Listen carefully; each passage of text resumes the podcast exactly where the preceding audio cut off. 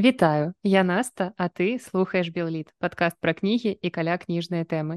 І сёння у нас у выпуску кніжны клуб Анягош чарговае пасяджэнне ўжо можна казаць чарговае, таму што яно трэцяе і мне падаецца, што нашыя вандроўкі зайшлі надта далёка. Таму што Ну не наша твае.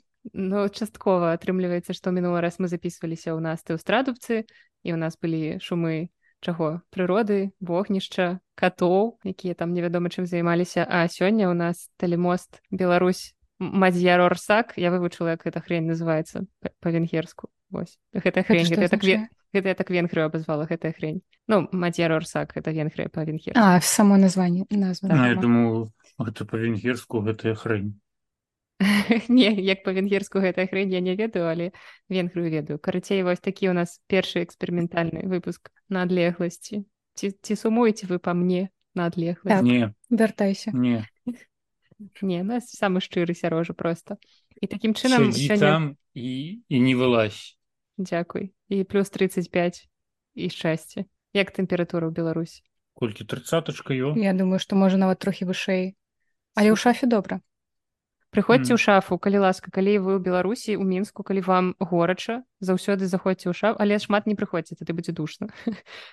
Раптам прыйдуць. Ці што што сёння нас калі вам не горача все адно прыходзьце ў шафу. Мы павінны яму заплаціць за гэтую рэкламу. Тут будзе горача. О май гад. Я баюся што што гэтыя людзі там ладзяць без мяне карацей сёння мы з вами абмяркоўваем цудоўную кнігу якая выйшла яшчэ вясной 2020 года. Вясной жа я не памыляюся даецца даецца так. І гэтая кніга гэта локісаў артура клінова або як часам мы з настай кажам у адкасці гэта клінаў артура локісава. Все неабходныя тлумачэнні я дала. Сёння мы будзем мярковаць кніжку са спойлерамі. Вот важная у пачатку важная навіна. Са спойлерамі не толькі і не толькі а з чым яшчэ а гэта вы даведаецеся калі даслухаеце до конца. Распачынаем пасяджэнне нашага к анягош зноў гэты ананімныя алкаголікі бачыка у мяне клёвая заклад сярожнікі закладка. З тэматычная тэматычна сапраўды так мне падабаецца mm. А я яшчэ падумала, што калі мы скароцім наш кніжны клуб да КК, а не гош, гэта якраз у духу твора, паколькі там таксама мноства розных незразумелых абрэвіатур. Mm. Ну, часам ну, зразумелым так, часам не. Асабліва СЦУ в аду. ДУ да гэта цудоўна але вось у мяне няма з сабой кніжкі я не магу яе гартаць і трэба трэба пачаць з чаго у якім фармаце мы успрымалі гэтую кніжку зараз кожны з нас раскажа таму што мы маем такую раскошу кніга існуе як у папяровым так і ў электронным выглядзе дакладней у аўдыо а не электронным і mm -hmm. я гэтую кнігу калі яна выйшла ў 2020 годзе я недзе восенню мне падаецца яе прачытала і першыню я чытала я на паперы і вось цяпер рыхтуючыся да падкаста я паслухала аўдыокнігу якую выдаў камунікат у сваім праекце кнігі без літр які мяне дагэтуль весяліць бо ну што, што значыць кнігі без літр яны заўсёды як вось гэты уключалі вось гэтыя ўстаўкі кніга без чакаў так. я ўсё я ўсё чакаў калі ён скажа кнігі бязлітасныя ну просто. Бязлітасныя кнігі без літр ну і такім чынам я праслухала гэтую аўдыокнігу ў выкананні Віктора сямашкі і гэта было шэдэўральна я полюбіла гэтую кнігу яшчэ больш дзякуючы Віктору і ягонаму голасу і ягоным акцёрскім пераўвасабленнем але я думаю што мы яшчэ пра аўдыо пагаворым так цяпер раскажыце якім фармаце вы ўспрымалі гэты твор я 50-50 штосьці чытаў штосьці слухаў паралельна ўсё рабіў і так тое што зрабіў Віктор сямашка гэта круто. Чытаецца но ну слухаецца на адным дыханні просто офігенка Я чытала папяровую версію і ўключала аўдыо паслухаць, але ну там літаральна пару хвіліны выключыла, зразумела, што мне ўжо ў галаве склаўся свой голас, які я чую, калі чытаю і я не хачу яго перабіваць іншым голасам. Ну і мне здаецца па тым сумным тоне, які скразіць у насціным голасе мы ўсе зразумелі, наколькі гэта было класнае чытанне ў яе.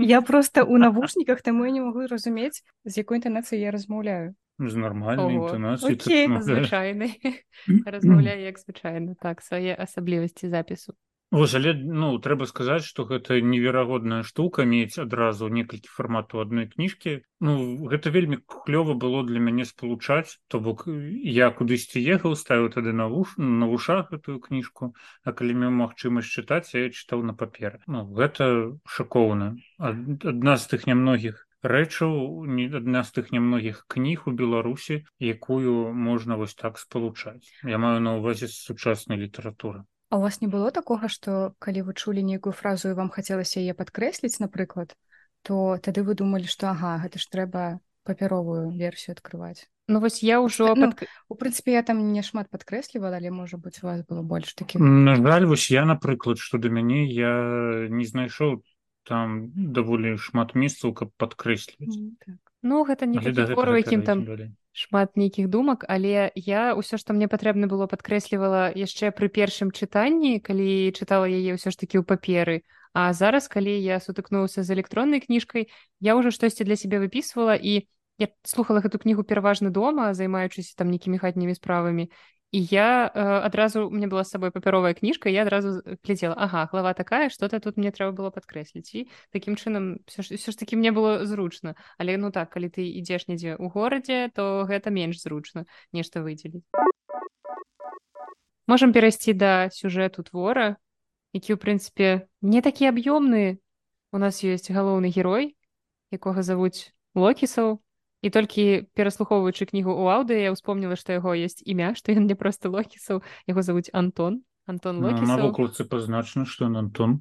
Але ж я слухала аўдыокніжку другі раз і не разглядала папяровую чакай вось перад тым як расказваць аб чым сюжэт я просто ну трэба згадаць пра анатацыю анатацыя як на мой погляд гэта вось яна адначасова і самая такая назовём гэта пленная анатацыя ў свеце і адначасова з тым ну яна тыповая для Якое сказала сучаснага пленная пленная слова плен і адначасова яна такая тыповая вось для беларускай сучаснай літаратуры якая выдаецца калі напісана аб усім і, І не аб чым вось, гэта каб не больш- заспойлерыць магчыма. Але ну блин камон что ты можаш заспойлераць тут? Ну так. Але больш за ўсё мяне выбесіла вось такое кожны чытач знойдзе ў рамане нешта блізкае і пайшло пералічыць што ён там знойдзе. Ну блин камон Ну так робіш, это блін? такое ад, ад балды. Але просто я задумваюся вось хто звычайна піша анатацыі да кніг. Рэдка ж бывае так што сам аўтар э, фармулюе гэтую анатацыю. Хутчэй за ўсё часцей гэта праца выдавецтва наколькі я ведаю. Я напрыклад пісала анатацыі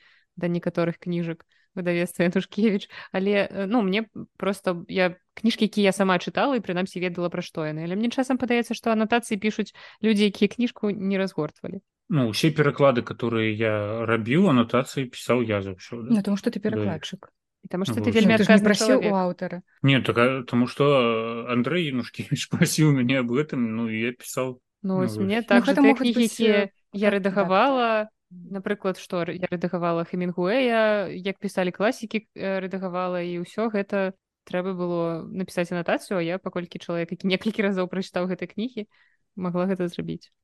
Не, ну просто ведаеш у гэтай анатацыі можна было там сказаць что типа галоўны герой Антон локісаў назваць яго па, па імені бо яно ну, не іграе сюжэтную частку даць у анатацыі. Так просто вось прыязджаю у нейкі там у нейкі гарадок беларускі там на ўскрайку там недзе там. літвой і вось і вакол яго пачынаюць адбывацца там дзіўныя рэчы. Там ну літаральна вось ведаеш там першы першыя 50 сторонок пераказаць гэтай кніжкі можна просто там некалькімі радкамі. Ну далей то застаецца астатнія 300 там з копейкамі як бы чаму б і не.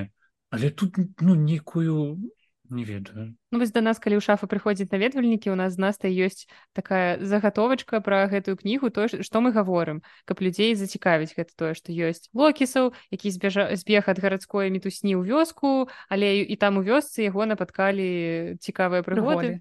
Ну карацей та, вось м, ш- дадаем што гэтая кніга дынамічная з гумарам вясёлая і гэта вось тое што варта пачытаць так і актуальна пры тым што яна была напісаная у напі- пісалася яна здаецца з 15 Да. по 18 год увогуле расказваў што вельмі даўно але выйшла угу.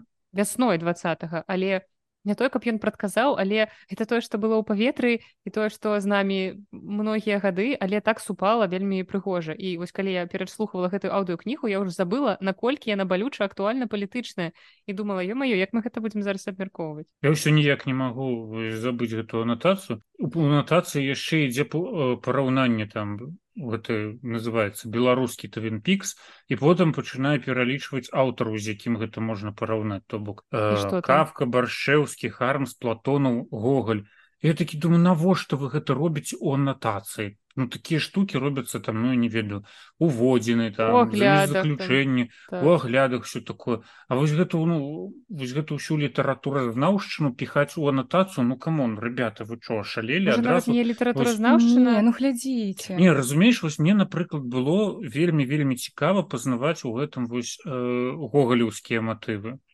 Вось. Ну там ён сам згадвае унутры рэвізора А потым калі ну так а потым калі я паглядзеў у анатацыю ўжо там гуглі такі блин ну ребята навошта вы абкрадаеце чытача Вось я думаю што гэта зроблена з той мэтай што калі чалавек ведае якіх аўтараў ён любіць і ён убачыць гэты пералік ну, вось я подумала каб зацікавіць чытача фаната баршчэўскага платонова гоголя і хто там яшчэ каб іх зацікавіць гэтай кнігай. Але мне падаецца што тады гэта адштурхне людзей якія не любяць усіх гэтых аўтараў. І я упэўненая што нават калі яны іх не любяць гэты твор і можа зайсці. Гэта першае а другое вось мяне не пакідала думка што аўтар ну калі прабачце за такую там я не ведаю строгую мыслю якую зараз агучу тое што аўтар там незнарок хоча узвысіць сябе да ўзроўню вось вось гэтых згаданых у анатацыі ўжо гохалі баршэўскага хармса і платонавыя астатні дык можа быть ну, гэта... не пісаў гэта ну, ну, ну, гэта... аўтар не мае дачынення. Ну ўсё адно гэта непрыгожа гэта вельмі нясціпла параўноўваць сябе з трэба быць больш нясціплымі так правильно згодная трэба мець ну не завышаную самаацэнку пасля але... будзе як з міцкевічам ну умоўна кажучы ну нешта такое. Я маўляў у тым сэнсе што калі мы баімся зараз нешта сказаць што ў нас ёсць штосьці крутое то пасля гэтага могуць нас пазбавіць вось так. такая глыбокая думка. Не зразумеў вельмі глыбокай думкі трэба ставіць беларускіх аўтараў у адзін шэраг нават сучасных аўтараў якія магчыма яшчэ нават не прайшлі праверку часам але ставіць іх у шэраг ну трэба ставіць аўтараў я з табой цалкам згодна але не трэба вось так у луп просто херачыць. Ну, ну, давай адарвём вокладку выкрэслім анатацыю і ну мне гэта вельмі не спадабалася мне спадабалася усе вось гэтыя матывы знаходзіць дзе там купалаўскія матывы вось я гэта ўбачу баршэўскага ну такое сабе... чым добра чытаць кнігу не слухаць яе ў аўдыа там няма анатацыі ты просто слухаеш і ну ўсё. так. Вось ну і калі, калі ўжо пашлі расказваць пра вокладку адкажыце мне чаму на у гэтай вокладцы чубака У мяне таксама першая моя думка была чубака на вокладцы і што, што гэта значыць Чаму чубака ён нават не падобны да мядзведзя гэта просто нейкі зборны вобраз пярэваратня але ну, я просто уяўляю так. як антон локісаў заязджаю гэты невялічкі гарадок н на поўначы беларусі так і кажа і ён з якім-небудзь сваім гаспадаром які кажа яму чуем і дома home мяне... але вокладка прывабная. У мяне э, бабуля убачыла гэтую кніжку і сказала что а ты не баішся такія кніжкі насіць типа што яна чырвона-белая я подумала что все это у нас дэфармацыя капітальная адбылася Ну, у мяне з гэтай кніжкай адбылася такая цудоўная гісторыя у 2019 годзе я быў у мястэчку каптаруны там праводзіўся семінар перакладчыцкі нямецка-беларускі там збіраліся перакладчыкі з беларускай на нямецкую і наадварот вось мы з нямецкай на беларускую і мы абмяркоўвалі праекты адно аднаго сярод іншага што мы там вось гэтыя семінарылі сярод іншых вось гэтых мерапрыемстваў у нас таксама была запланаваная сустрэча з аўтарам будучай кніжкі і акурат арт прыязджаў артур клінаў там мы акурат і прыйшлі на чытанне не апублікавана яшчэ тады вось гэтай кніжкі локісаў о дык ты і... заспеў яе прям ад самага пачатку так,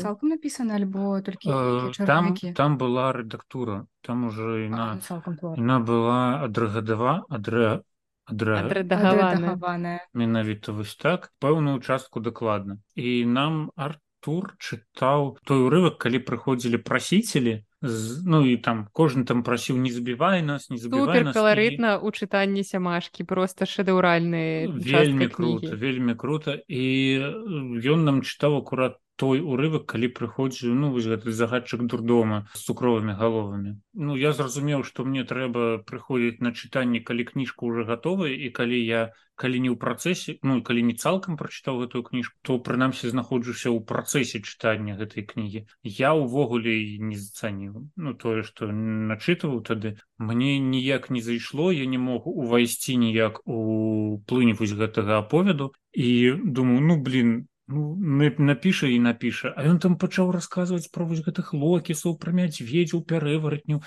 я такі ну, ну ладно ну добра і потым калі кніжка выйшла ў двадцатым годзе як вы сказалі я просто все дзякую я ўжо адзін раздзел паслухаў вось болей не буду. Ну, ну можа што для цябе гэта было так out of контекст і ты не не ўвайшоў у тэкст кнігі бо мне заўсёды дзіўна калі на прэзентацыях аўтары чытаюць кнігу недзе сярэдзіны для людзей якія ўпершыню ўвогуле сутыкаюцца з гэтым творам я ніколі не ўспрымала такі фармат я магу сама ў прынцыпе ў кнігарні кніжку разгарнуць але ўсё роўна яе пачну чытаць спачатку а не з сярэдзіны каб зразумець ці трэба на мне. Хаця можа быць гэтая кніга мне здаецца вельмі крута у тым плане як яна пачынаецца і як ты ўваходзіш у тэкст так там адразу нармальная завязка і ну все ўсё пачынаецца адразу там няма доўгіх уступ ну там ўжо расскажем сюжет. тое что галоўны герой э, прыязджае просто на новае месца і ты разам з галоўным героем уваходзіш у гэта новае месца і, і паралельна таксама вывучаеш вось гэту перадгісторыю галоўнага героя так. Вось у мяне таксама калі чытаў гэтую кніжку я чытаў у той мясцовасці дзе скажем так адбываюцца вось гэтыя дзеянні клінаў канешне не называе гэтую мясцовасць напрост напрост у кніжцы але ён э, акурат нам тады на перакладчыцкай майстэрні сказаў што гэта адбываецца вось тут побач гарадскі пасёлак лынтупы пастаўскага раёна віцебскай вобласці. Ага, там так там так мне узнікала ёсць... думка ці зборны гэта вобраз гэтая мясцовасць ці ну просто бо ён як бы мае дачыненне да каптарунаў там бывае і вось гэты рэгіён э, наколькі ён увайшоў ягоны твор Ён зрабіў гэта стараўся рабіць гэта наадварот. У яго было месца канкрэтнае але ён яго хацеў зрабіць неяк так абстрактным каб у гэтым месцы угадывалася любое іншае маленькае мястэчка беларусі. Але ну я бачу выключна там лынтупы і нішто ніякае іншае мястэчка болей. І я калі чытаў гэтую кніжку я чытаў я казаў тое што чытаў у лынтупах. Так. лынтупах і ў каптару ну, часткова.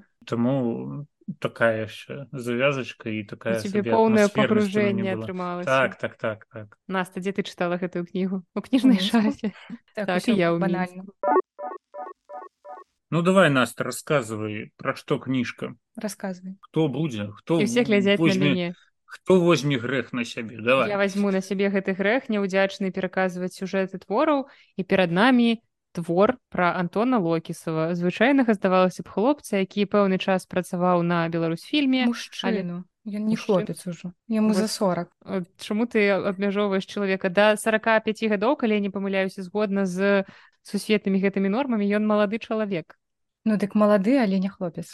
Ладно. Ну неважно давай працяг карацей наш э, малады чалавек выйшла в чат. Карацей Антон локісаў ён пераязджае са сталіцы ён вырашыў што найлепшае месца каб знайсці э, сабе такі нейкі куточак гэта поўнач беларусі недзе там бліжэй да мяжы з літвой там называюцца вось гэтыя тапонімы такія каларытна каларытна-літоўскія скажем так.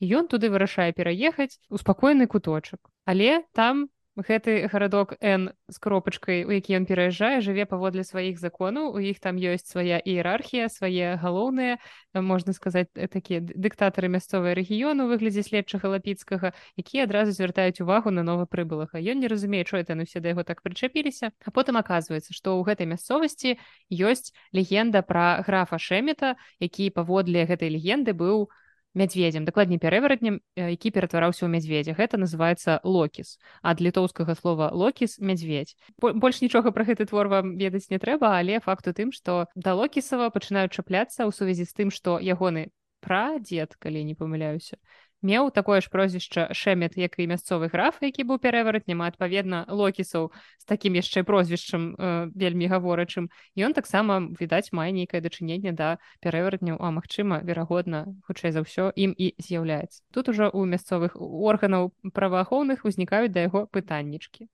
Ну ты пропустила канешне пытанне ў мясцовых органаў узнікла тады калі у гэтай мясцовасці была так, гвалтоўным чынам з'едзеная хто прыбіральшчыца прадавачка прадавачка так прадавач і канешне ўсе падазрэнні упалі на таго хто носіць прозвішча локіс Ну і да таго хто нібыта новенькі бо яны там усе адзін аднаго ведаюць нібыта на сябе не думаюць а тут вось з'явіўся новенькі на якога можна гэта ўсё павесіць плюс его такая і таким і такім чынам галоўны герой Антон локісаў ён стаецца закрыты вось у гэтай мясцовасці. Ідзе абаснаванне вось гэтай герметычнасці ўсяго што адбываецца. То бок за межы вось гэтага горада Н мястэчка Н мы не выйдзем. І ўсё што там адбываецца адбудзецца вось выключна у межах гэтага месца. Ён застаецца без машыны без колаў ад машыны і карацей ніяк не можа збегчы а сам не ведае як першу адтуль выбрацца і усе хто спрабуе неяк яму дапамагчы з мясцовых з імі штосьці там здараецца ці яны адмаўляюцца яму дапамагаць таму што не хочуць рызыкаваць тады локісаў вырашае ўзяць усё ў свае рукі і замуціць там варушняк і даказаць што ён ніякі не локіс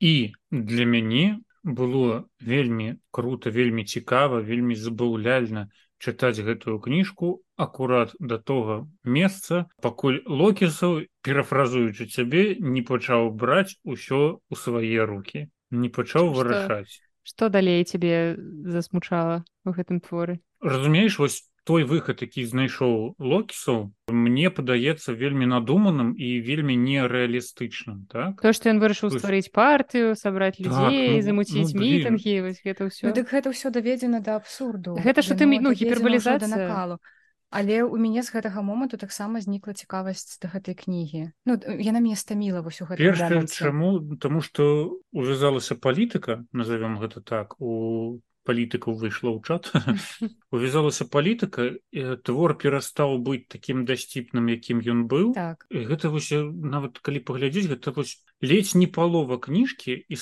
ну вось і другая палова вось яна ўжо такая ну не ведаю нейкія статуты мы там зачытваюць паседжанне вось гэта такое вось калі я першы раз чытала папярову я тады паставіла кнізе 4 з 5 менавіта таму што як кажа наста яна пачала стамляцца ад кнігі і я пачала стамляцца вось таксама. Там калі яны пачалі гэтыя сходкі свае ладзіць. Гэта ўсё было вельмі доўга бо у першай палове кнігі крыху так все даволі дынамічненька развівалася былі всякие завязкі гэтай і містычнай інтрыгай дэтэктыўная і ўсё а потым сапраўды кажашся рожа ўсё перайшло ў палітыку і стала больш нудным магчыма. Але ну зноў жа калі я слухала гэта у аўдыо гэта ўсё роўна было неверагодна цікава я тады ўжо пераставіла адзнаку на чатыры з паловы тому што она мяне ну, дзякую Віктору сямашку канешне ён зрабіў для гэтай кнігі шмат. І ну таму мне хацелася б каб людзі які любяць слухаць аўдыо кнігі і паслухалі яе ў аўдыо гэта будзе класны досвед. Але ну і так цалкам з вами пагаджуся што з другой часткі яна пачынае зацягвацца і трошку стамляць Ну вось гэта як вы сказалі абсурднасць нават у хармса нават у сэмелі бэкета калі ну доўга аналізаваць іх твор ну як ду калі аналізаваць просто іх творы ты пачынаеш бачыць унутраную логіку. Усе героі яны будуць дзейнічаць па нейкай сваёй я не ведаю прадуманасці па нейкай сваёй вось аналітычнай абгрунтаванасці ну, што у кожнага свая роля ты гэта маеш на увазе. Як бы роля якую я... толькі ў герою але таксама ты пачынаеш вось прасочваць вось гэту вось всю лагічную сцежачку па ўсім творы па ўсёй п'есе я кажу вось у чаканні гаду ты разумееш чаму гэтыя героі гаворуць так. Возьми напрыклад тую якая лысая спявачка як янеско таксама ты калі першы раз чытаеш ты думаешь что за хрень я читаю? Але потым ты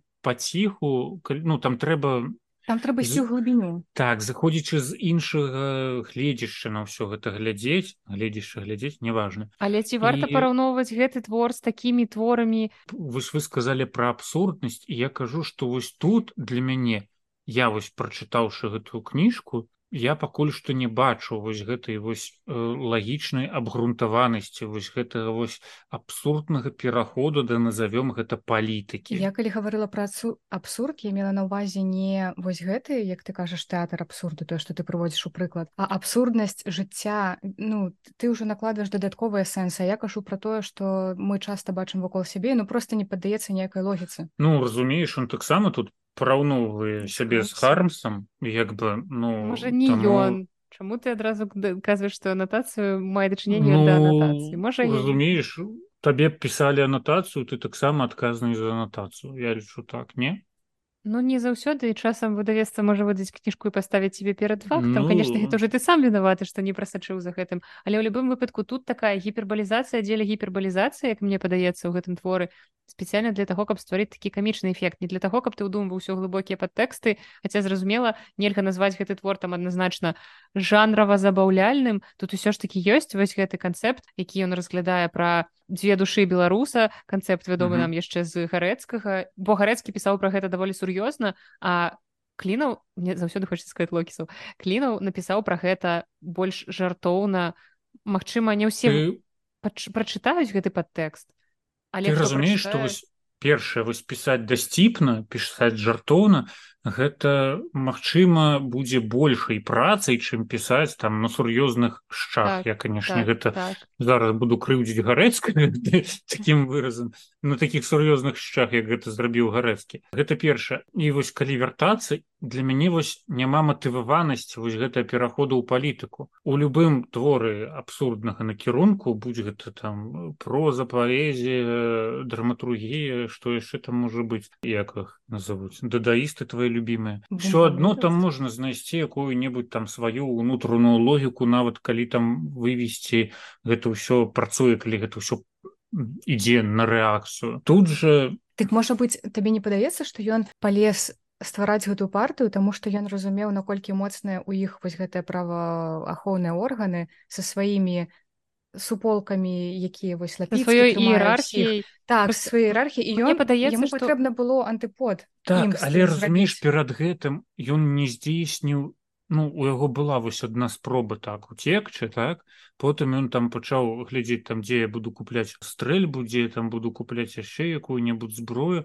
У яго не было яшчэ адной спробы уцекчы каб там ну разумееш там ён уцікаў там машынай А не каб ён там одзіночку там лесам ён же спрабаваў ён звяртаўся да людзей каб яго правялі да. Ён же я ж кажу што ён там звяртаўся да мясцовых. спрабаваў кінуў Ну ён ну, там звяртаўся да людзей каб яго правялі сцежкамі праз лес а яму там адмовілі і там чалавек не выходзіў на сувязь ну карцей ён спрабаваў ну, а, а сам ён не спрабаваў канешне же ну, чоловеку страшно нейкай незнаёмай мясцовасці праз лес куды ісці гэта страшнавата мне падаецца але ну мне падаецца што э, у гэтым ну, творы у которому 40 гадоў камон ну пра ну, як мужик які набліжаешся до 40 гадоў больш пра гэта ведаеш канешне ну што Чым... у лес ну. не не хадзіць цяперака Мядзведзяў баяцца. Ну так.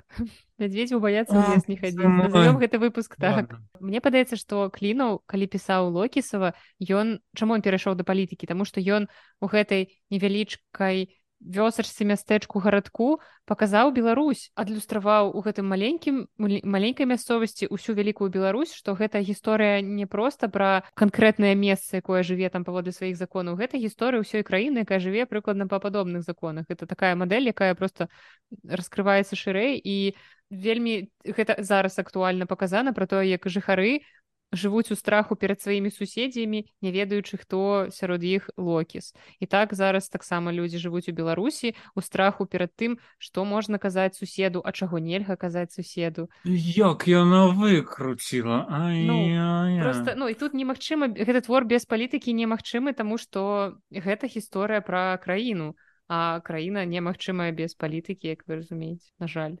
Я хацеў сказаць про тое что вось э, менавіта вось гэта другая назовем яе палітычная частка кніжкі на ідзе по таким тонкім лёдзе. Я тут не маю на увазе тэму якую яна закранае. Я маю на увазе тое что вось гэтыя кніжкі которые расказваюць про палітыку яны заўсёды угубляюць сваю актуальнасць вельмі хутка. То бок калі краіна перажывае штосьці маланкавыя якія-небудзь падзеі гэтыя кніжкі робяцца помнікамі сваёй эпохі. І менавіта зараз у гэтай кніжкі яна для мяне была не настолькі цікавай тому што яна ўжо для мяне была не такой актуальнай. Так, чаму справ... чакай так ты правильно сказала что там вось гэта маленькая краіна ў краіне зрэз вось гэты ўсё дакладна паказвае але ён паказвае для мяне менавіта як это сказаць тут бачна вельмі выразна што ўсё адбываецца паміж 14 і двадцатым годам Ну такое ёсць але мне падаецца што гэта тое што мы агулам перманентна перажываем за ўвесь час існавання амаль што нашай краіны. Як бы мы перманентна жывем у гэтым стане таму нельга сказаць што тут штосьці што маланкава адбылося. Там ёсць так у нас пэўныя падзеі які адбываюцца маланкава але агулам, я не яны... пра кніжку я кажу не, не пра кніжку што маланкава адбываецца кажу увогуле пра жыццё што яна там зараз апошнімі часамі у нас вельмі шмат э, падзеяў адбылося. І вось э, зараз вось тут такая вельмі выразная часовая рамка у гэтай кніжцы.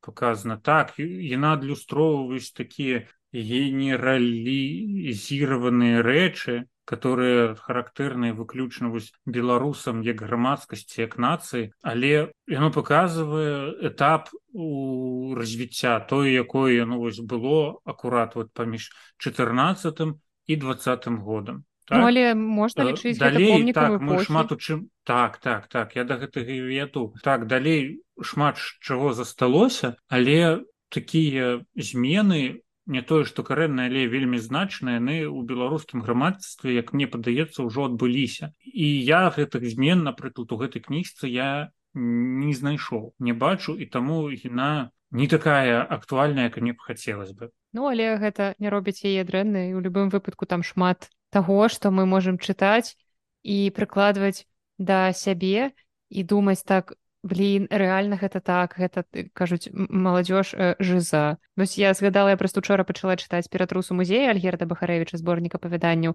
які якраз таксама прысвечаны падзеям там пасля двадцатого года. І было такое перагукванне з локісавым калі у канцы локісава калі ўжо пачынаецца ў іх гэты мясцовы майдан і калі э, рэпарцёр нібыта там вядзе рэпартаж з месца падзей і расказвае пра тое як на плошчы дзе павінны адбывацца падзеі людзей было пакуль што мала. Потому что многія з іх так э, сарамліва хаваліся ў суседняй краме выглядаючы з гэтай крамы. Ну, зараз я дацягнуся да бахарэвіча і тут таксама быў такі вельмі цікавы паказальны эпізод у першым жа апавяданні пра краму калі людзі таксама удзельнічалі у адным з маршаў а потым яны зайшлі ў краму каб выйсці адтуль з прадуктамі маўляў мы што мы нічога мы просто дадому з прадуктамі ідём і гэта вось такая беларуская рыса. Ну гэта ты, ты чытаеш і ты як бы памятаеш як гэта было і гэта так трошку прыемна няхай як бы і не актуальна не надта актуальна але прынамсі гэта ўспамін. Ну і так помнік помнік эпохі помнік часу Ну у любым выпадку гэта не робіць кніжку горшай гэта не робіць кніжку лепшай чым яна ёсць на самой справе. На добрая хорошая кніжка. Карцей здаецца мы агулам апісалі сюжэт. Я думаю што вось тут трэба згадаць той самы момант калі трэба падзякаваць усім чытачам слухачам якія прыходзілі купляць кніжку для таго каб падрыхтавацца да выпуску нашага подкаста Таму што мы заўсёды ў канцы выпуска паведамляем якую кнігу мы чытаем наступнай. І калі мы паведамілі пра локісаў людзі вельмі радаваліся і людзі пачалі прыходзіць у кніжную шафу і гэтую кнігу купляць. Яны нам пра гэта расказвалі. І калі мы вось сярожанку перадалі колькі было людзей ён сказаў што адчувае вялікую адказнасць на сабе перад усімі гэтымі людзьмі. І так я, я цалкам згодная што людзі ну прынамсі яны прачыталі добрую кніжку. Няважна ўжо будуць яны слухаць нашыя гэтыя як кажуць не да стендап разважанні але прынамсі кніжка мне падаецца што я зараз новая хваля папулярнасці вось як вы бачыце бо яна адна з нямногіх сучасных беларускіх раманаў цікавых і дынамічных якія ўсё яшчэ ёсць у продажы притым што кніжка выйшла ў двадцатым годзе але нібыта вось усплёск мы даём на кнізе новае жыццё я спадзяюсь. Ну гэта і без нас адбылося раней але ты ж разумееш што мы жывем у сваёй бурбалцы і тое што нам кажацца нам здаецца што адбываецца паўсюль і ўсё гэта можа не, ну, я ж не кажу што прям паўсюль але ну прынамсі мы бачым як у нас у продажу абламаў. Абломаў просто Не ну па шафе мы дакладна можам меркаваць наколькі вялікая цікавасць да гэтай кнігі. Mm -hmm. Так бо пастаянна яе заказваем і попыт і... ну попыт так, так. І таму калі вось я чытаў першая частка я не ведаю я слухаў чытаў я прям рагатаў у голас мне вельмі спадабаецца стыль нават нас хікала сядзела было якім там усё напісана ну гэта неверагодна. Там ну калі да яго да галоўныя героя прыходзіць вось гэтыя прасіцелі просьбіты каб ну типа не шапай а мы табе будзем рабіць тое і тое той сам прама адчувае сябе гэтым як з рэвізора якого звалі? Хліста не не хлістаков не памятаю. Ну галоўным герою галоўным герою рэвізора і ён прям перапытвае вось гэта і там намякае як бы А вы там не хочаце мне там доўгануць грошай ну просто як бы мне тут трэба але як бы да Может ну, але тут просто успомнілася недзе гэта чытаў і ты такі блин ребята ну ну гэта реально клёва і таксама ёсць месцы такія пэўна менавіта ў першай часткі частцы якія мне ну прям не ведаю неверагодна круто зайшло вось гэта асабліва калі слухаў аўдыокнігу як семашка як он падроблівае галасы як он э, вырулівае усе вось гэты сітуацыі кампазіцыі якія выбудоўваюцца і першыкі гэта прям плюс 170 балаў да атмасферы дадаецца.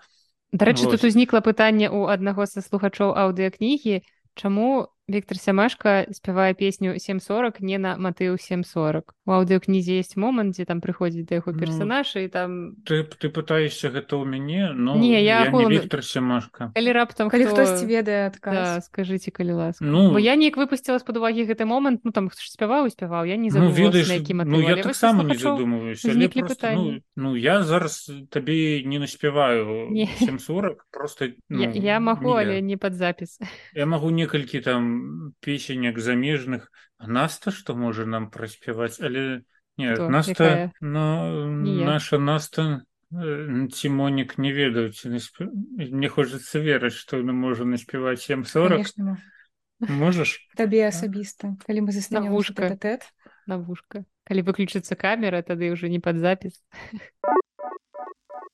мне вельмі спадабалася ў гэтым творы такая каларытнасць стварэння вось гэтага свету альтэрнатыўнага які адбываецца ў гэтым мястэчку. Я там записывала сабе просто неверагодныя рэчы типа усе абласное свята паганскай песні славянскі калаўрат мяне просто вынесла з гэтага калаўрата я ў гэты момант здаецца бялізну развешвала з пральнай машыны я просто зарагатала ў голас у навушніках ад гэтага славянскага калаўрата бо наколькі гэта перадае атмасферу ўсяго гэтага. Ці мне вельмі спадабалася вось гэта барацьба за ўраджай. Спачатку другая барацьба, так, барацьба, так, так. барацьба за бульбу. Так а зараз чакай зараз у нас барацьба не за бульбу зараз у нас барацьба за буракі. І вось такую і такі блин ну гэта гэта такое ўсё вельмі беларускае і вельмі каларытнае ты пазнаеш за ўсім гэтым там сапраўдныя вобразы і вось гэта таксама даведзенае да абсурду. Але калі ты пачынаеш згадваць рэальныя гісторыі жыцця пра гэта. У нас яно і так абсурдна і выглядае то бок ну не надта і перабольшваў кліну мне гэта з аднаго боку было смешна чытаць з другого было трошки страшнавата. Ну я ж вам расказваў тое што адкуль ногі растуць у гэтага выраза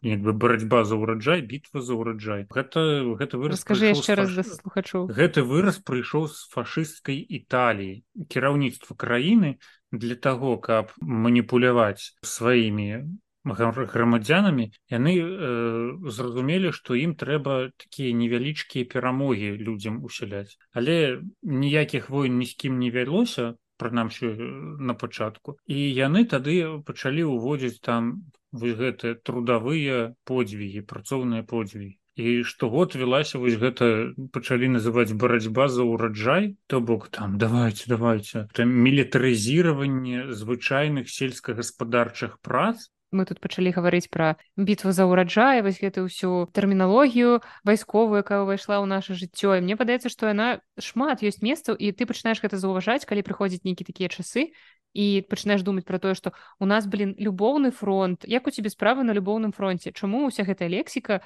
такая ваенізаваная мілітарызавана што гэта эра сатанатас давай раскрывай сваю думку. Укінула цяпер тлумач. Любоў заўсёды у звязцы са смерцю так, таму што такі... гэта дзве самыя такія ну ад самых яркіх перажыванняў як два перажывання і тое што ідзе побач і тое што адцяняе адно адно Ну то бок вайна і каханне атрымліваецца маюць пэўную сувязь але мне ў сувязі з гэтым вельмі спадабаўся такі выраз які я гэтую цытату я ж записывала цытаты з першага чытання папяровай кніжкі А вось гэту я не выпісала бо тады яна магчыма мяне так моцна не стрыгерыла. Але цяпер калі я яе пачула ў аўдыафармаце я адразу ж яе запісала. Гэта цытата гучыць так кожны хто пачынае вайну крычыць што ён за мір. Ну гэта банальная цытата вельмі простая але тады э, тут, тут же зноў жа важна ў які час ты чытаеш гэтую кнігу. І цяпер пераслухоўваючы на мяне так стрыгерыла бо ўсе гэтыя крыкі пра тое што гэта не вайна спецаперацыя там не захоп не забойствы а вызваленне ратаванне вот это вот все і гэта блин просто по-жывому рэзала Ну мне таксама кінулася гэтае месца ў вочы і мяне больш за ўсё трыгернула тое што ну блин клінуў прадбачыў Ну бачыш ён шмат што прадбачыў атрымліваецца але мне падаецца што так і бывае з літаратарамі якія пакідаюць у гісторыі нейкія значныя творы і потым гэтых аўтараў называюць прарокамі але ну яны тут ну як бы хучна ўжо праклінава так казаць што нейкі прарок але ў любым выпадку калі ты аўтар які трымае руку на пульсе падзей ты ўсё роўна ў той ці іншай ступені аналізуеш асабліва пішучы актуальныя творы пра сучасныя падзеі ты аналізуеш нейкія магчымыя наступствы гэтага і штосьці прадбачыш і таму ну тут няма ніякага там яснабачання іх і так далей але гэта просто пэўная начытанасці літаратурны талент. Вось мне так падаецца Ну я казаў про то якая клёвая якой клёвай мне падалася першая частка. Я быў бы шчаслівы чытач калі б э, другая частка такой бы заставалася то бок калі яна была напісаная ў адной манеры а потым я не ведаю як гэта для сябе патлумачыць для мяне аўтар ну як гэта патлумачыць для, для грамадка для грамадскасці для мяне аўтар пачаў эксперыментаваць ну вось уводзіць вось гэтую палітычную лінію і таксама пачаў эксперыментаваць трых крыху там з формай крыху з падачай. І гэта мне ўжо не спадабалася і не любіш эксперымент літаратуры з формай ён змяніў ну вось напрыклад у яго там цэлая частка которая называется четвертая здаецца частка была выйшаў месяц з тумана вынуў ножык з кармана і гэтая частка пабудавана цалкам ну на лічылках. Як яна пабудавана то бок глядзі. Дагэтуль да чацвёртай часткі то бок літаральна да старонкі на сярэдзіну да старонкі 244 то бок три ну две траціны кніжкі ішоў аповед ад пер ну ад адной асобы ад, ад імя Антона локісова так. А потым ён пачынае пераключацца на як это называется повы point of view класічны скажем так прыклад такога аповеду гэта гульня тронаў Джорджа Марціна калі нават кожная глава называется іменем персонажа. так, ад, ад імені новых ну іншага персонажа. І тут ён пачынае менавіта у гэтай час частцы уводзіць аповеды ад іншых персонажаў. Ён гэта робіць як бы як вось лічылка типа цяпер твоя чарга. Першага ён выводзіцца строя выводзіць у двукосе калі ён там забівае яго так і ты уже разумееш что так он будет выводзіць персонажаў з гульні гэта як 10 негрыцят лічылка про 10 так, негрыцят так, так. по чарзе так гэта клёва ідэя клёвая.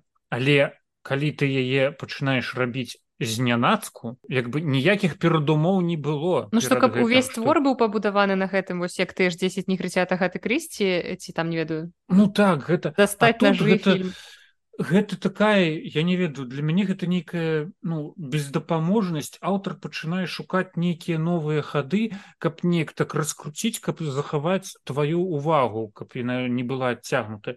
І для мяне гэта ну не вельмі. Ну блин тады такое пытанне. Вось калі б аўтар застаўся ў гэтым жа рэчышчы у якім ён пачынаў у гэтым містычна дэтэктыўным каб каб ён зрабіў бо нельга гэтую кнігу назваць дэтэктывам ці там трылерам ну все ж таки трошку іншы твор. Але калі б ён застаўся ў гэтым рэчышчы бо зноў жа у мяне тут ёсць слухач які праслухаўшы гэтую кнігу які ўвесь час скардзіцца на тое што ў беларусі няма добрых дэтэктываў і беларусы не пішуць дэтэктывы і калі б клінаў зрабіў з гэтага проста містычны дэтэктыў ці быў бы гэты твор такі ж варты ці застаўся б ён вось у гісторыі што мы там праз тры гады яго перачытваем і працягваем абмяркоўваць ну, ну, мне гэта... падаецца што ён бы змог гэта зрабіць літаратурнага таленту артура клінова дастаткова для таго каб напісаць такі твор.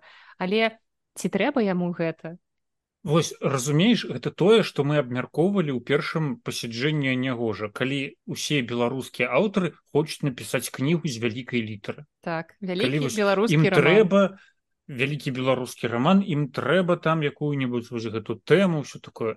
Я упэўнены што ён бы калі б заставаўся ў тым рэчышча як ты гэта назвала ён бы вывернуў вось гэты ўвесь містэтызм твін піксізм там бы выйшла бы якая-нибудь цукерачка альбо але іншая крыху. А тут для мяне ну вось разумееш Окей ты б заставаўся на гэтых лічылках добра. Але потым навошта вось гэты апошні раздзел калі там прыязджаюць ужо як аповед закончыўся. І апошні раздзел ужо вядзецца ад імі ад імені вось гэта лапіцкага так? І да яго прыязджае локісу і кажа пайшлі лавіць пайшлі ў лес. І вось гэта ну нейкая такая аля помста але не зразумей што я вось гэта чытаю для мяне гэта як ну кіно вось гэта гайдаруская кавказская пленніца.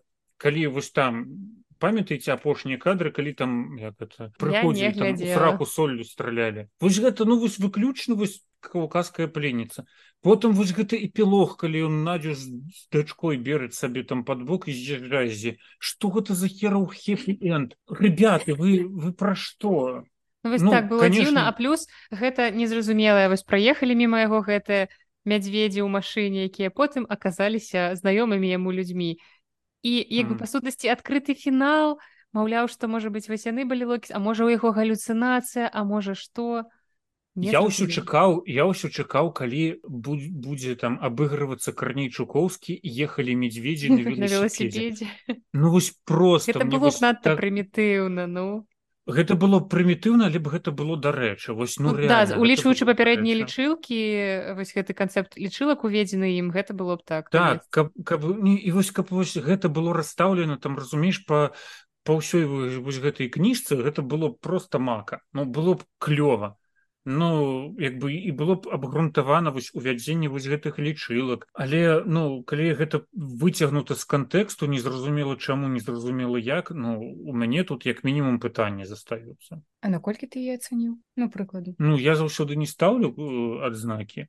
Ну не ведаю у мяне штосьці такое пасярод паміж спадабалася і не спадабалася Не кажу. ты ставіў па дзесяцібальнай што б ты паставіў Ну першай палове паставіў не не першай палове сярэдняя арифметычная Ну, можа, што ты паставіла штосьці паміж шасцёркай і сямёр я паставіў 8 ну... ну гэта не дзічыць я першаму быць прачытанню менавіта кнігі паставіла 4 з 5 але вот ужо пераслухаўшы бо у нас сапраўды мала у літаратуры беларускай сучаснай. Вось такіх просто добрых раманаў з якімі адначасова ты можаш там нейк папалемізаваць паспрачацца па пра нейкія глыбокія канцэпты але пры гэтым і паржаць і штосьці такое цікавае актуальна і Мне так ты маеш рацыю але гэта не дае табе права завышаць адзнаку не, ну, не, я могу адзнака гэта цалкам самадастатковы твор ну, я ставлю гэта, я ставлю гэтай кніжцы там 9 балу з 10 тому что у нас такого няма Дык я ж не параўноўваючы з нейкі я пастаўлю якому-небудзь там супер знакамітаму якаснаму класічнаму твору ты ж 9 з 10 але ж гэта две розныя дзявяткі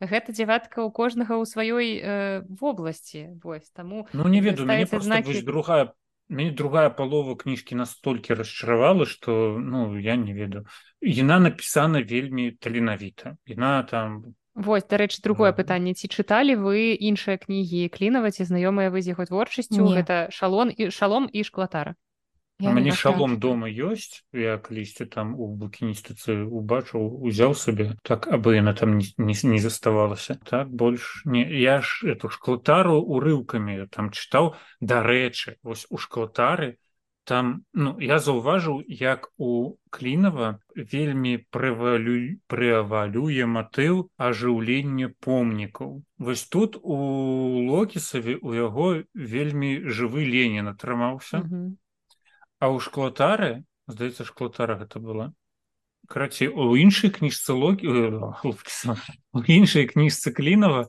там яно пачынаецца з таго што галоўны герой выходзіць на плошчы куба коласа і колас глядзіць на яго там усё ведушчымі вачыма. Ці штосьці такое? Я канешне зараз магу ўсё пераставіць дагары нагамі але тое что там помнік быў ледзь не жывы так яно яно так. І вось ну я калі чытаў я адразу загадываў гэты гэтае месца з іншага рамана і такі ну блин Ну, я чытала і шалом і шклатару яшчэ тады калі яны выходзілі. Шалом выйшаў у 2010 годзе шклатара ў 2013 і вось мы сем гадоў сем гадоў чакалі локісу і абодва гэты творы якраз мяне парадавалі тым што гэта творы з той рубрыкі якую кніга якую можна даць чалавеку які просіць у нас напрыклад у кнігарні што-небудзь такое не сумнае не зануднае не трагічнае не песімістычнае гэта там добрае даволі смешнае сучасныя раманы і вось шклатара мне здаецца на цішалом я не памятаю што бо гэта было вось у десятым і тринадцатым больш за 10 гадоў таму я бы зараз хацела перачытаць гэтыя творы каб паглядзець на іх э, нейкімі магчыма іншымі вачыма можа з, это з пункта гледжання такого развіцця так дынамікі як аўтар так. як ягоны бо я б для мяне заўсёды клінуў асацыяваўся з вельмі смешнымі творамі гэта не тое что там нейкі гамерычны смех у тебе вельмі смешны і вельмі інтэлектуальны так притым что гэта не прымітыўны смех гэта не не смех там не жарты ў стылі камедзі клаба але ну, хочется перачытаць каб зноў акунуцца ў гэтую атмасферу тому для мяне ну як бы клінаў застаецца такім аўтарам беларускім які піша дасціпна вот нават больш дасціпна чым смешна гэта не нейкі там смех што паказаў пальчыка гэта менавіта такія вобразы якія ён прыкмячае як з тым жа гэтым славянскім калаўратам адзінае што мяне крыху так падбешвала гэтай кнізе гэта гэтая дзяўчынка э эма панк я думаю ё-маё якім ты годзе? 2007 быў даўно. Ну адкуль ты ўзяў гэтую эму чаму ты я так называешь правінцыя Ну типа гэта нейкі старпёр які э... я б не сказал бы что гэта правінцыя гэта просто напісаў чалавек которому не 25 гадоў. Ну там вот есть гераіня гэта не пытанне ўзросту аўтара а пытанне менавіта просто што ён хацеў паказаць вось гэтую правінцыйнасць апошні раз традукцыі видела эма увогуле не было Ну вось ты больш але ну просто што нават калі ўлічваць што ён пісаўся там з 15 по 18 год здаецца я чытала ў інтэрв'ю клінова ўсё роўна гэта ўжо даволі эма выехала са страдубкі. 2008 разам за цімоніка але ну гэта такое гэта ж вот таксама зноў ж такі нейкі смешны абсурд. Ты слухаеш про гэтую эму і як яшчэ эма эма ў сэнсе субкультуры э, змяняецца з іменем эма і як яго жанчына пачынае раўнаваць і пашо это ўся там за эма такая? Ну, гэта карцей было міла але ну, не то... са страусам са страусам эма да э, эму але ну гэта выклікала такія мілыя эмоцыі ўсё ж такі хаця і пэўнае пытанне так. Что офігенны жарт. Дзякуецца з мяне на зацаніў да мяне не адразу дайшло ну ладно не думаю что страус галоўнае што дайшло да. Галоўнае што дайшло гэта назва гэтага выпуску не вось дарэчы мы так ні разу і не згадалі персонажа. Дарагую індзіра гандзі у гонар якога ярмуда так... ён клёвы у гонар якога я хочу назваць потому что ён серы таксама канешне карацей там есть персонаж якога ну гэта мясцовы забулдыга па мянушцы серы. З якім локісаў разам сядзеў у як это назваць каталасцы ну да типа у пастарунку затрыманы ён з ім там правёў у камеры пэўны час пазнаёміўшыся вось гэтым мясцовым серым і потым гэты серы стаў ягонай ягоным прав... правой рукой. Ягоным. Ну, у нейкім сэнсе так можна сказать шпіёнам бо ён мясцовы так штосьці такое. І тады яны падумалі што трэба прыдумаць яму іншую мянушку і так ён стаў бярмуда не бярмуды у множным ліку а бярмуда ў адзіночным спачатку ён быў у множным лік ліку бярмуды а потым он падышоў і сказаў дарэчы он назваў яго граф? Типа так. граф типа а можна я ён реально поверыў а бярмуда потому что ну цяжка цяжка мяне у множным лікам ліку людзям называць Ну і вось гэты персонаж уяўляю алкагалічцы хутчэй за ўсё і ў трэніках расцягнутых на каленках так. Ну і вось карцей ягоная пастаянная як это слова паразіт фраза паразіт якая пастаянна даносілася ад пермуды гэта дарагая індзіра гандзі калі вам гадоў трошки больш чым нам вы добра ведаеце персонажа чым, чым нам з настай сярожа Мабыць якраз твоя узроставая катэгорыя што не індзіра гандзі я ведаю хто такая індзіра гандзі але э, многія нашы слухачы могуць не ведаць хто казаў гэтую легендарную фразу пра дарагую індзіру гандзі таму трэба патлумачыць што гэта казаў брэжняў калі не памыляюсь mm. ну тады ж у савецкі час калабарацыі былі з кім з это іншымі точно. краінамі але не з Еўропы і не з США. Вядома там была якая-нибудь ind Боже мой я зноў пачынаю прыніжаць іншыя краіны там была Індыя там былі там Пакістаны Кітаі і іншыя іншыя краіны і таму ён э, часта вось, выступаў там з адкрытым сваротам да лідараў гэтых краін. Таму ён і казаў дарагая індзіра гандзі і на гэтую тэму нават ёсць анекдот што ссср прымаў у гасцях маргарет тэтчер і брэжневу мусіў выступіць ён выступае і кажа дарагая індзіра гандзі яму кажа перакладчык што але ж гэта маргарет тэтчер гэта не індзіра гандзь і ён зноў дарагая індзіра гандзь гэта тэтчер леонид ильич это не, не гандзі ён кажа да ведаю я што тэтчер але ў паперцы напісана індзіра гандзі вось такі нясмешны анекдот але просто калі вы гэта ўяўляеце голасам брэ Брежнева. Гэта даволі смешна прагучала ў выкананні семашкі так. Так што сённяшні выпуск подкаста будзе называцца дарагая індзіра гандзь або ехалі мядзведзі на веласіпедзе ехалі мядзведзі на лесапедзе круц круцейшы не таму што я гэта прыдумаў таму што гэта таму што гэтага няма ў рамане. Ну ладно тады мы адкрылі новыя mm. сэнсы і дадалі дадалі трошки яшчэ. Я думаю Ці... ты будзеш называць па назве просто як мінулая Ну вось я думала что так мне хочется даваць якую-небудзь такую каб ну можа назва атрымаецца надта доўгай калі я да я ніжны клуб. вось... можа наш скарачаць да к а не гош э, назва твора ну, і магчыма ну, зараз уже это зараз ужо людзі некаторыя ведаюць что такое какая не гош.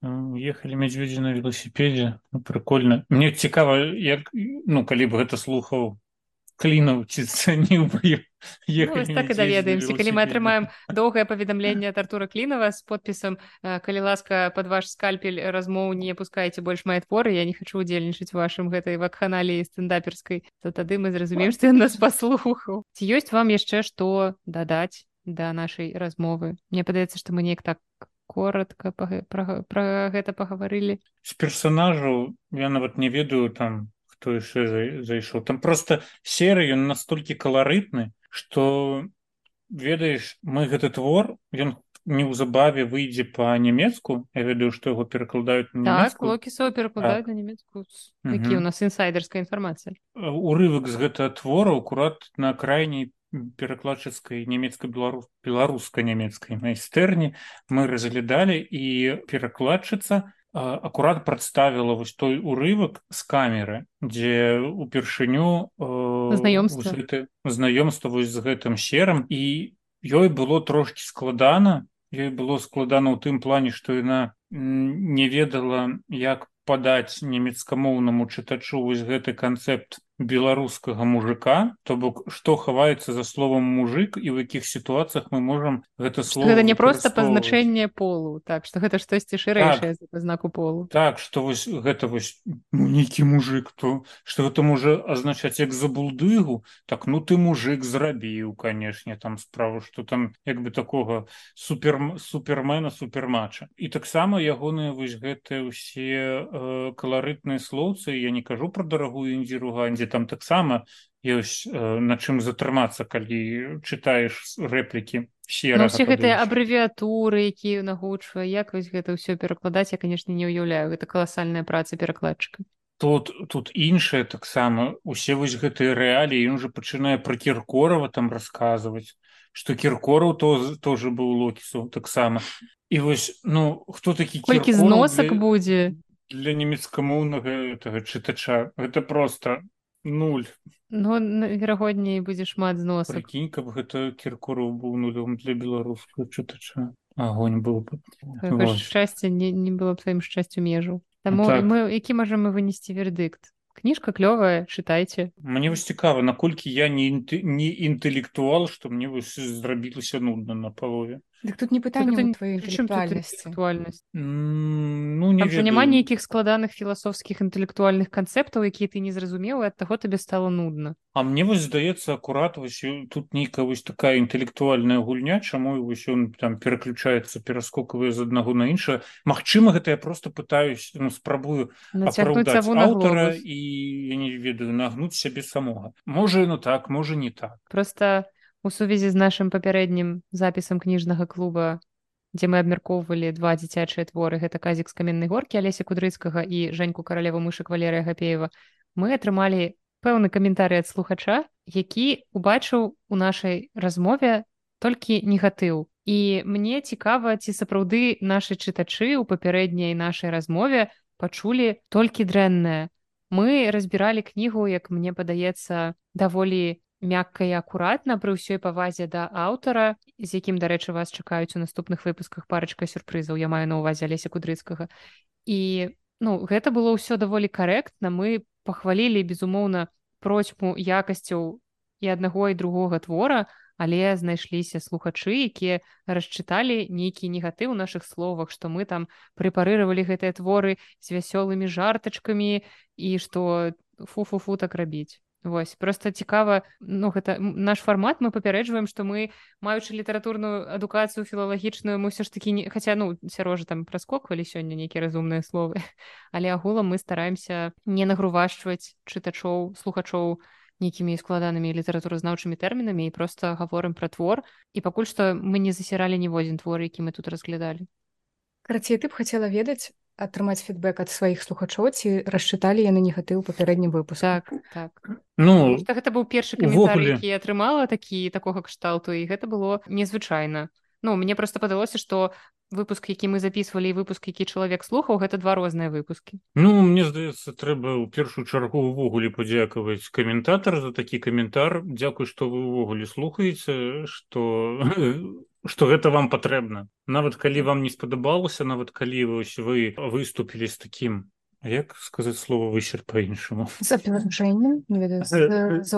з такой заўвагай у наш бок но ну, мяне гэта толькі цешыць што у людзей нейкая рэакцыя у людзей нейкі мы атрымоўваем нейкі фідбэк як вы сказалі. Ну усе мы людзі ва ўсіх розныя меркаванні і мы нават у самым першым выпуску мы аб гэтым казалі што мы не прэтэндуем не на нейкую ісціну і мы як бы калі кніжка говно мы будзем называць эту кніжку казалі гаўняцо ну мы будзем называць кніжку гэтым словам не непрыгожым. Калі на насамрэч гэтага вартая прабачце б не пра адну не пра другую кніжку мы пра гэта не сказалі і калі вы думаеце адваротнае то гэта выключна вашыя думкі. Так так не? Ну, так. Так, так со мной згодная згодна і таму вось такім чынам мы плаўненька пераходзім да пытанняў якія не ведаю пішыце яшчэ можа таксама нас таксама далей засіраць якія мы некампетэнтныя якія мы неўдзячныя чытачы што выносім ўсё вось гэтае смеце закінутай полымем хаты Ну а зараз мы пачынаем другую частку нашага падкаста, у якой мы абмяркоўваем нейкі тэмы прапанаваныя слухачамі слухачамі або адказваем на пытанні слухачоў, якія ў нас ужо вось да папярэдніх выпускаў назбіраліся. І звяртаючыся яшчэ да нашага самага першага падкаста, дзе мы пасля абмеркавання шалева за сіняй гарой абмяркоўвалі пытанні слухачоў і пра сашу філіпенку і чаму ён не піша па-беларуску. І вось слухач артур нам напісаў што гэты артыкул філіп... артыкул філіпенкі быў у гардзіан мы з вами тады абмяркоўвалі што не памятаем дзе дзе менавіта ён выступіў у абарону рускай мове. І у Артур піша, што яго таксама бамбанула, як і сярожу, як шмат каго яшчэ. І Артур піша, што Філіпенка проста звычайны камерсант. Гэта беларускі феномен, пісьменнік з Беларусі, які піша па-расейску, маю большую аўдыторыю сярод беларусаў, чым беларускі пісьменнік, які піша па-беларуску і адпаведна продажы плюс расійскі рынок. Адсутнасць імкнення выдаць кнігі па-беларуску гэта пацвярджае. Я цалкам згодная, што, на жаль, пішучы па-руску, ты можаш мець яшчэ рускую аўдыторыю рускамоўную, і што я гэтым хацела сказаць не ведаю але карацей так, такі факт. Ну шкада больш грошай ты хацела сказаць ну, так, шкада, так, што так. за ўсімі гэтымі грашыма чалавек забывае свае карані чалавеку не тое што напляваць ну. Тым што мы не прымушалі яго пісаць па-беларуску мы просто прапаноўваем яму ягоныя творы перакласці ніхто яго і не прымушаў таксама выступаць у абарону рускай мовы Ну, гэта ўжо іншае не будзем развіваць зараз зноў жа гэтае пытанне тому што мы абмеркавалі гэта так тады. мы гэта ўсё абмеркавалі таму просто як яна па-мастацку заткнула мне ляпу. Так і ёсць тому што ну мы даволі даволі шмат гаварылі пра гэта ў першым выпуску таму дадам проста апошняе пытанне ад артура. Артур піша таму я лепей перачытаю ўсяго календу дарэчы як усім удзельнікам яго творчасць і што тычыцца зместу і мастацкай вартасці. Быў бы рады пачуць. Цяпер раскажыце калі ласка як вы ставіцеся да творчасці Сергея календы падсумоўваючы запытаю я. Мне пачаць давай ты пачні просто у мяне доўга пачаць я ты, як ты, самы да... заангажаваны давай, давай, давай пачну я таму што я самы не заангажаваны нічога не чытала як это, як я не ведаю хто ну. не я чытала падарожжа на край ложка давай. І я помню што гэта быў такі твор які мяне ўразіў сваёй вось гэтай агрэсіўнасцю злосцю там вельмі шмат такога не все ўжо просто глядзіць на мяне гэта я просто себе не ведаю паштурховыкаю на эмоцыі давай. Працягвай эмацыянальна ты ўсё сапсаваў увесь настрой насці збіў Ну а табе спадабалася гэтая агрэсіўнасць ці наадварот яна цябе штурхнула хутчэй ад кніжкі? Спадабалася таму што гэта эмоцыі і ты так. гэтай эмоцыі шчытваеш з тэксту і гэта цябе чапляе. Ну гэта цікава. Пры тым што там закранаецца тэма калі не памыляюся вось яго маці памірала ад маці хварэла так. ўсё гэта вось усе перажыванні усе нейкія свае моманты которые былі звязаны з гэтым Ну, ну гэта такая моцная чалавека які перажывае так. вось та, гэта такі згустак эмоцый календа ў мяне асацыюецца з гэтым тэкстам я хацела яшчэ пачытаць часам панкі паміраюць але пакуль што не дабралася ну вось яна зусім так не такая мне найбольш з творчасці календы я чытала усе кнігі календы акрамя вось гэтай акрамя апошніх балтыйскія шкарпэткі і вось гэта новая якая выйшла ў выдавестве гутенберг пра хлопчыка томчыка бо ну на дзіцячая а так я чытала ўсе астатнія кнігі календы я бязмежна яго люблю. Больш раннія яго кнігі мне неяк больш даспадобы я памятаю яшчэ тыя часы калі кнігарня лохвіна ў прэзентацыі ў кнігарні лохвіна вось якраз на прэзентацыі яго кнігі іржавы пакой з белымі шпалерамі мы пазнаёміліся я тады хадзіла на гэтую прэзентацыю лохвіну і вось у мяне гэта такія яшчэ часы ностальгіі гэта было так цудоўна і але моя мабыць улюбёная кніжка календы гэта трохлітровая проза. І мне падабаецца ягоная шчырасць шчырасць таго як ён піша эмацыя эмацыянальная падарожжа на край ложка астатнія кнігі яны не такія эмацыянальна агрэсіўныя але яны ўсё роўна вельмі шчырыя такі шчыра непасрэдныя. Таму як бы творы календы я вельмі люблю. Можа быть калі-небудзь трэба будзе запісаць цэлы выпуск па творчасці раз ужо я чытала амаль усе творы у мяне з календам такія адносіны стасункі даволі цікавыя я да якога года ну, вельмі мала чытаў па-беларуску здаецца да 2011 па-какоўску ты чытаў? Па-нямецку по-нямецку по-руску в асноўным чытаў а по-беларуску вельмі вельмі мала і вельмі рэдка. мы раскрылі страшныя тайны сярожанькі а потым э, мне ў руки трапіў э, трапіў асобнік вось ржавага пакоя з белымі шпалерамі пасля гэтай кніж кніжкі я пачаў чытаць па-беларуску даволі шмат я пачаў збіраць сваю бібліятэку беларускай літаратуры перакладаў на беларуску. Я некалі таксама казаў календзе што менавіта з тваёй кніжкі ўсё вось гэта і пачалося. Гэта можа які-небудзь там махнатыя жэшныя часы штосьці такое. То бок інтарэс да беларускай літаратуры да беларускага слова вось вярнуў мне вось менавіта твор календы таму мне Мачыма я буду трошки там спереду ну, таксама ностальгічнае пачуцці як і у мяне так. Ведае ведаеш не тое што гэта ностальгія гэта хутчэй для мяне календы ён як пачатак чагосьці нейкага вось такога новага этапа. І потым пасля вось гэта фенаменальнага для майго таго этапу жыцця іржавага пакоя з белымі шпалерамі я браўся за іншыя творы календы але гэта зборнікі кароткіх апавяданняў і яны на вялікі жаль былі не такія клёвыя як іржавы пакой. І шмат у чым яны як на мою думку паўтаралі э, матывы паўтаралі таксама як это сказаць ну вось гэты скелет як, як ну, такое, так, набудоўваецца. так. напрыклад у яго адна частка іржавага пакоя і нас складаецца апавяданні секонд-хэнці штосьці такое. Ну, ёсць асобная браў... кніжка такая дарэчы ён браў там тыпу у нейкую нейкі касцёл э, завязлі гуманітарную дапамогу і там рэчы проста і ён браў ну, кожную рэч з гэтага баула у якім былі яны складзены скінуты ўсе.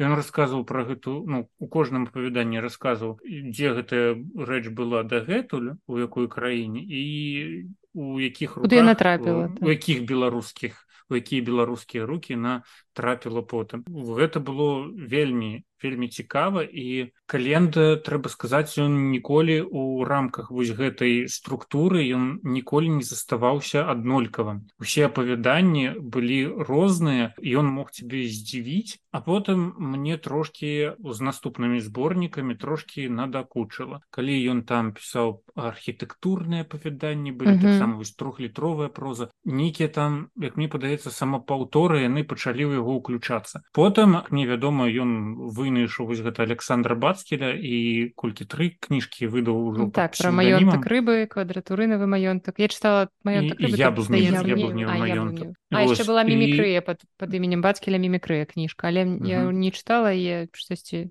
маёнтак рыбы прачытала я не не зайшло ну, ён здаецца піша толькі кароткія апавяданні так? Не Ну так у яго асноўным ну, невялікіх гісторый складаецца мне вельмі спадабаліся ягоныя творы у яго было ўсё уключана кніжка і кантынентальны сняданак у яго былі творы ён расказваў гісторыі з жыцця гатэля там як, як там працуюць розныя людзі там і цырульнікі яшчэ хтосьці вось гэта ну таксама даволі цікавы карці ён прыдумвае у кожнай кнізе падабаецца у яго назвы у кожнай кнігі вельмі адметна так так помнік атручаным людзям я толькі хацеў сказаць што мне падабаецца толькі назва першай здаецца не апавяданні секонд-хэнта апранутыя апавяданні гэта называлася я так, зараз так, так. Таму што ёсць асобная электронная кніжка такая больш за ўсё мне спадабаўся Сергей календа як ён быў паказаны ў кніжцы песні про песня про Тимура. Ну але ж мы разумеем что там не ўсе сапраўдныя людзі былі под сваімі сапраўднымі імёнамі Ну то бок дакладнее імёны там былі сапраўдныя але не абавязкова што за гэтым хаваўся той самы сапраўдны чалавек Калеж, але ён быў значным але... персонажам гэтага твора так. Так але сцёп які з гэтага выйшаў гэта гэта было клёва пераходзім да ну, наступнага пытання. Каментарыя дакладней ад чалавека з нікам маефма гэта каментары з Ютуба наколькі я памятаю бо я даўно іх капіравала сабе ў файлік. І гэта якраз да нашай размовы пра аказіка чалавек сказаў што будзе шукаць кнігу пра казіка бо сын любіць чытаць пра сусветы якія побач а пра жэньку чыталі недзе з год таму але памятаю што таксама спыніліся на гісторыі пра лега надта нежыццёва яна падалася нават мне. Агулам сын ацаніў кнігу як нармальную але надта павучальную і вы ў падкасці адзначылі празмернае маралізатарства гапеева мне асабіста падалося што аўтар апісвае дзяцей якія жылі пакаленне ці два таму асабліва калі спрабуе пісаць пра падлеткаў. Адразу хочацца параіць яму каб правёў курсы творчага пісьма для дзяцей і падлеткаў каб лепей зразумець іхні свет. Ну прынцыпе тут тое ж самае што мы і гаварылі што гэта добрыя кнігі э, творы мілыя прыемныя але адчуваецца вось пэўная такая ну не састарэласці як гэта назваць неадпаведнасць ну, просто я адчуваю тое што ён калі і камунікуе з сучаснымі падлеткамі то даволі мала каб пісаць пра пра іх кнігі Так, і тут адразу у прыклад хочацца прывесці Андрэя жвалеўска Еўгенію пастарнаку якіх велізарная просто натоўпы фанатаў з якімі яны пасты фанатаў якраз такога ўзросту паколькі напішуць uh -huh. для дзяцей падлеткаў з якімі яны камунікуюць якія выступаюць іх бета чытачамі да якіх яны прыслухоўваюцца. І гэта класная праца са сваёй аўдыторыі ад пісьменніка які хоча развівацца ў сваім кірунку ну, взять таксама эту еву вайтоўскую ака Марыя Марыя Мартысевич загарызлівым пацалункам. Так ён магчыма таксама напісаны крыху не для падлеткаў крыху там для больш сталых людзей которые будуць успамінаць сваё дзяцінства разам з персонажамі гэтага романа гэтай дылогіі. Але мне чытаецца гэта вельмі на ура я і хахатаў і мацюкаўся на герою мне вельмі спадабалася вельмі по-сучаснаму і больш за тое я ведаў падлетку якім таксама гэта зайшло. І марыйка таксама казала аб тым што у яе вучні нейкай школы таксама выступалі бета чытачамі гэтай так, здаецца нават дзякуе таму пачатку кнігі там ёсць нейкая пазнака про тое што і там нават ёй там показывалі вось гэта якія слова ўжо не гаворыць так так так. слова чувак што трэба прыбраць яшчэ штосьці такое наступны каментарый ад нашага пастаяннага слухача з нікам а, які спачатку адзначае што бамбічны анонс наконт таго што мы сёння будзем абмяркоўваць локісава. Ён пару месяцаў таму якраз праслухаў гэты твор. І твор канешне цалкам адпавядае цяперашняй рэчаіснасці і па накале дакладна павінен пераўзусці гэты дзіцячы выпуск. Але мне пад штосьці падаецца вось гад вучуся тое што мы дагэтуль гаварылі пра локісава. Наўрад ці па накале пераўзыдзе локісу дзіцячыя кніжкі якія мы абмяркоўвалі. Ну просто улічваючы тое вось, вось гэтае то што на цябе выйшаў і кудрыцкі і вось гэтыя такія не вельмі прыемныя каментары якія пісаліся як бы накалу про дзіцячы выпуск он пайшоў пачаўся пасля. Так. вось ну паглядзім што тут будзе. Ну і таксама слухач а дадае пытанні наконт таго у якіх умовах мы з вами записывалі папярэдні выпуск. Мы нагадаем што гэта было ў насці на вёсцы страдубка каля вогнішча на вуліцы. І слухач піша што сёлета задзяўблітыя камары лятуць раямі і аб'ядаюць цябе з усіх бакоў у любым кутку вёскі і што як это мы там на палесе па ідэі у нас мусіць быць шмат камароў але шляпкоў было мала просто мне падаецца яны засталіся па-за па-за кадрам не насамрэч камары знікаюць пасля здаецца 9 ці палова на десятую мы якраз записывалі ўжо пасля гэтага часу плюс побач было вогнішча ну так нас запытваюць мо мы выкарыстоўваем якія антыкамарыныя сродкі. Мне падаецца што беларуская літаратура найлепш антыкамарыны сродак. Мы абмяркоўвалі беларускую літаратуру яны нас не грызлі. Вось. Ну і апошняе пытанне таксама звязанае з казікам з дзіцячай літаратурай ад алекса репекі цікава ці вы чытаеце дзіцячую літаратуру такса так сабе для задавальнення ці гэта хутчэй рэдкасць для вас бо гэта вялікая розніца ва ўспрыманні. І яшчэ здзівіла што ўвесь час параўноўвалі кнігу пра казіка з гары потарам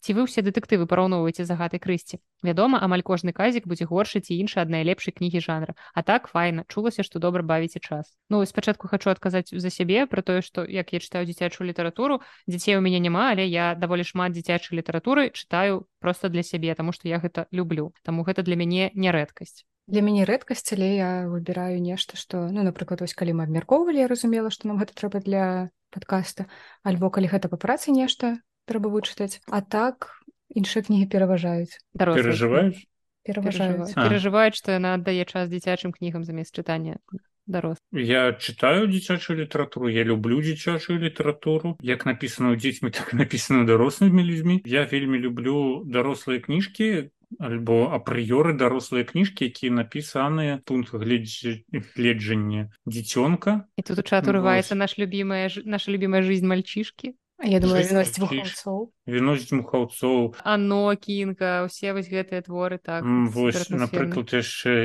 якая завуць убіць пересмешніка хартерлі сама мне вось гэта падабаецца Джон молитва або кадр. тому что ну прынамсі пачатак там усё ад ад імені галоўнага героя які на час аповеду дзіцёнак яшчэ. Мне вельмі падабаецца гэта дзіцячы свет як аўтар показывае свет навакольны вачыма дзіця. Ну гэта гэта здорово канцэпты заўсёды вельмі прыкольныя вельмі пазнавальныя атрымоўваюць Ну і таму мы можам сказаць што як бы ну мы прынцыпе чытаем для сябе гэтыя кнігі ну вось для нас ты магчыма гэта рэдкасць але мы сярожам чытаем дзіцячых кніжак шмат і ось тут піша аўтар каментарыя што ёсць вялікая розніца ва ўспрыманні мы патлумачылі гэта якраз у тым выпуску што мы бачым там пэўныя хібы недахопы такія лёгкія нейкія там не састыкоўкі сюжэтныя твораў але мы разумеем што мы гэта бачым таму што мы дарослыя людзі там ладно з філалагічнай адукацыі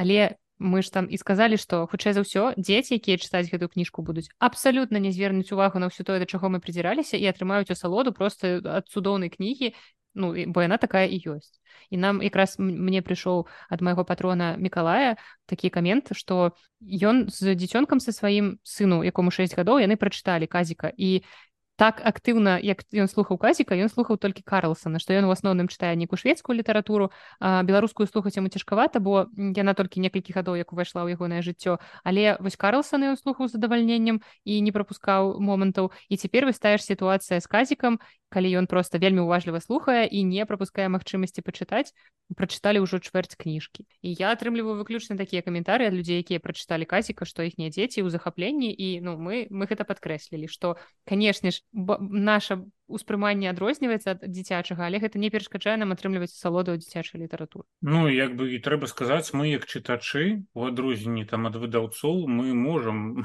параўноўваць творы з іншымі не веду романамі кніжкамі. Чыста так для арыентавання там нашим слухачам ну ведаць что гэта ты твор падобны да іншага гэта трошки падобны так. да гары потара мы там таксама параўноўвалі не толькі з гарапотарам казалі што асобныя раздзелы падобныя да іншых твораў да іншых матываў якія сустракаліся у іншых кніжках ну, і мы не сказалі што гэта дрэнна просто ну падобна ну, так. Поттер. ну ладно окей. Калі мы будзем размаўляць пра чацвёртую частку гары потара мы чацвёртую частку гары потара будзем параўноўваць з трэцяй часткай гары потара чаму пыне больш няма з чым параўноўваць ну так. а з чым там яшчэ параўноўваць там дарэчы яго параўноўваюць вельмі шмат з урсулы лігуін чараўнік земнамор'я я чытала ў дзяцінстве але ўжо нічога не памятаю. Гэта з тых твораў фантастычных фэнтэзі якіх мне хацелася перачытаць потому что я читала ў дзяцінстве процьму класікі фантастыкі класікі фэнтэзі але ну гэта былі дзіцячыя часы я нічога з тога не памятаю. Ну, вясёла ўсё было дзяцінства. Так амнезія просто поўная. Не ну ёсць творы якія я добра памятаю але не ўсе. Нават калі яны былі добрыя ўсё роўна яны пазней выветрыліся з галавы. Ну і тут мы можам даць анонс каб нашыя слухачы рыхтаваліся да наступнага пасяджэння кніжнага клуба анягош якое здарыцца наступным месяцы. Сярожа расскажы калі ласка што мы будзем чытаць і чаму ты выбраў гэта таму што гэта твоя ініцыятыва. Ну, гэта моя ініцыятыва. Я, мы, вырашил, я з радасцю што... падтрымала. Ну, вырашу што, што мы павінны там абслужваць все слоі населення я вырашыў што нам трэба звярнуцца трошки трошки да класікі але да класікі не такой папулярнай не такой звычайнай про якую усе прывыклі гаварыць і таму не такой баксовай і распіяранай так так так. І там няма сэнсу абмяркоўваць людзей на балоце я не ведаю там нейкія знакаміты творы караткевич ну что там казаць я выбраў твор па-першае тому что ён не самы распіярны по-другое не самы такі вялікі гэта янка брыль ніжні ніжнія байдуны мне нехта калісьці казаў што гэта даволі дасціпны твор ведаючы, я таксама чула про гэта. Ведаючы стыль янкі брыля я ведаю што ён не падвядзе і вельмі вельмі шмат ці спадабаецца. Таму э, таму я з удзячнасцю хочу сказаць дзякуй што падтрымалі мяне. А ведаеце што я подумала давай хочам ведаць што ты подумала зараз адсмеюся інтрыга um, калі напрыклад слухачы прачытаюць гэты твор раней чым мы запішам выпускі калі ў іх будуць пытанні яны ж могуць гэта таксама дасылаць табе. Ну, так, ну, калі б мы ведалі каб мы ведалі што мы можам яшчэ за што звярнуць увагу так. больш у гэтым творы можа вам штосьці падалося незразумелым хаця здаецца гэта той творы якім не будзе. Але вось прынамсі да локісава вот я вам колькі пытанняў падкінула ад чалавека які mm -hmm. гэтую кніжку праслухаў і вось былі пытанні каб мы абмеркавалі. Добра так так карацей вы ведаеце што рабіць пішыце ў каментарыях калі вы прачытаеце гэты твор. Я разумею што магчыма з брылём не будзе такога ажыятажу як з локісавым але ўсё ж такі хочацца верыць бо янка брыль гэта адзін з маіх улюбёных беларускіх аўтараў.